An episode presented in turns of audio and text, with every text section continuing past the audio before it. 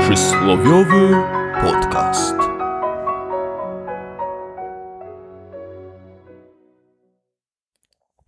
Cześć, wita Was Bolek. oraz Lolek. Miło nam Was gościć w naszym przysłowiowym podcaście.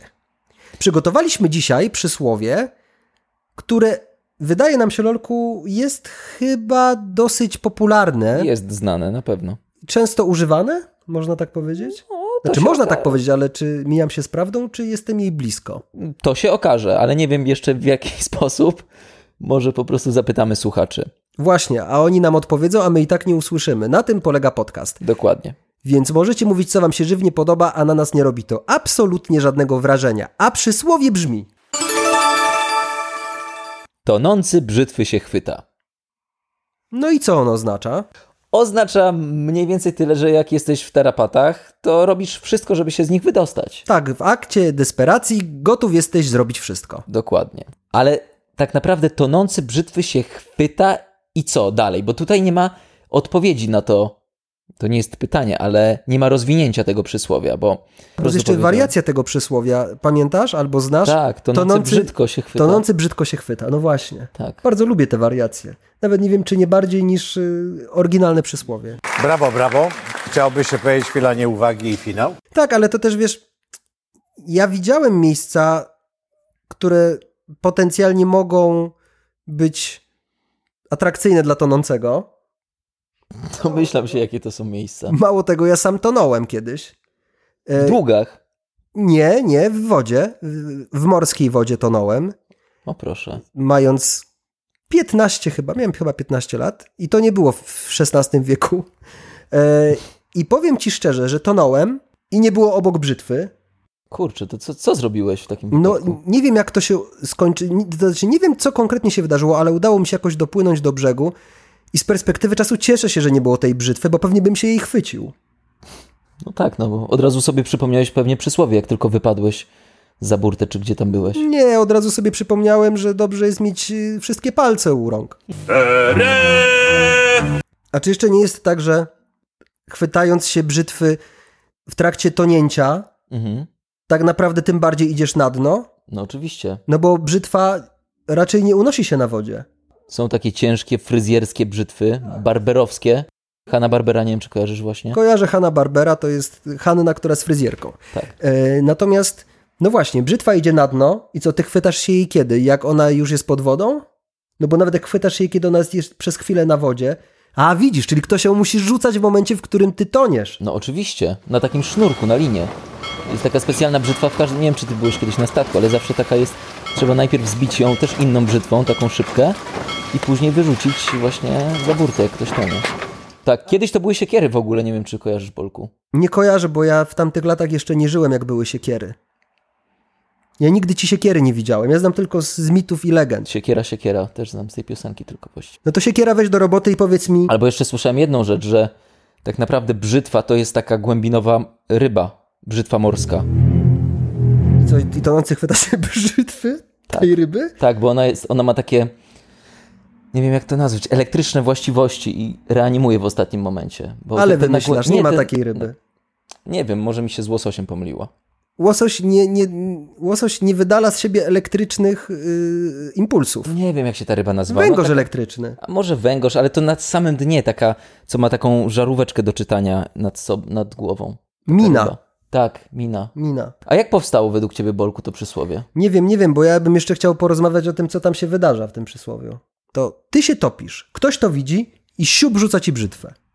No to jest sadysta tak zwany. No ale dlaczego brzytwę? A poza tym ilu znasz ludzi, którzy korzystają z brzytwy?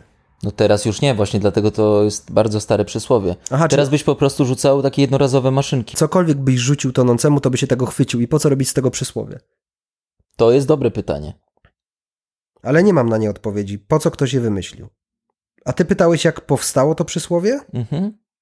Powiem ci szczerze, że zrobiłem tak zwany research O, posiłkując się językiem hiszpańskim. I em, przeczytałem, że w 1924 roku y, była cała taka seria eksperymentów, które składały się na bardzo popularną książkę po dziś dzień, mhm. e, której tytuł brzmi Co w wolnych chwilach porabia tonący? Kojarzysz tę książkę? Nie, nie, coś mi się obiło o uszy. ale- Polecam ci, polecam Brzytwa. ci. Fenomenalna literatura. No i właśnie jednym z tych eksperymentów, co w wolnych chwilach porabia tonący, było sprawdzenie, no co porabia tonący po prostu. Mhm. No i okazało się, że tonący brzytwy się chwyta. Najczęściej. Tak, znaczy w tych wolnych chwilach, prawda? Również. No tak, no bo że zarośnięty szybciej idzie na dno, więc ten tonący po prostu raz, dwa się ogoli i, I, i się unosi i na wyjdzie wodzie. z wody. A ja ogolić się nie pozwolę! Noszę zarost od przedwojny! Albo może się szybko ogolić i, i- i na poczekaniu zrobić z kłaków tratwę. Tak zwana kłakwa. What, what, what? A ty masz pomysł, jak ona powstało? To znaczy, ja czytałem, też zebrałem sobie różne, różne z różnych książek właśnie materiały, między innymi z autobiografii Perfektu i wiem jak powstało. Znaczy, z tego co przeczytałem, to, to było w 1976 roku. I kiedyś pewien jegomość, który płynął sobie statkiem takim wycieczkowym w Halloween, Czy on miał 10 lat, gdy usłyszał o nim świat? oczywiście, Okej. to był Grzegorz. I w pewien halloweenowy wieczór płynął takim statkiem wycieczkowym. Był przebrany za Majkę Jeżowską, to akurat nie jest ważne. Ale w pewnym momencie wypadł za burtę, krzycząc pomocy, niech mi ktoś poda rękę pomocy. I pech chciał, że pierwszy podbiegł Edward Nożycoręki. I po chwili nasz właśnie główny bohater tej historii bez ręki utonął w wodzie. A stojący obok gość przebrany za Frankensteina kiwał głową i mówił: Tonący brzytwy się chwyta? A, czyli ze znakiem zapytania. Tak, to jest właśnie tak. Tonący brzytwy się chwyta to jest takie. Naprawdę? Czyli rozumiem, że, że, że przez lata to przysłowie zapisane na kartach historii trochę wypłowiało i zniknął ten taki haczyk nad kropką. Mówię o znaku zapytania i pozostała sama kropka. A jak go używać? No, ja bym go używał, jak gdzieś się wybieram nad wodę. Tego przysłowia. No to podaj mi jakiś przykład. Idziesz nad wodę i dlaczego go używasz? Wyobraźmy sobie, że idzie rodzina.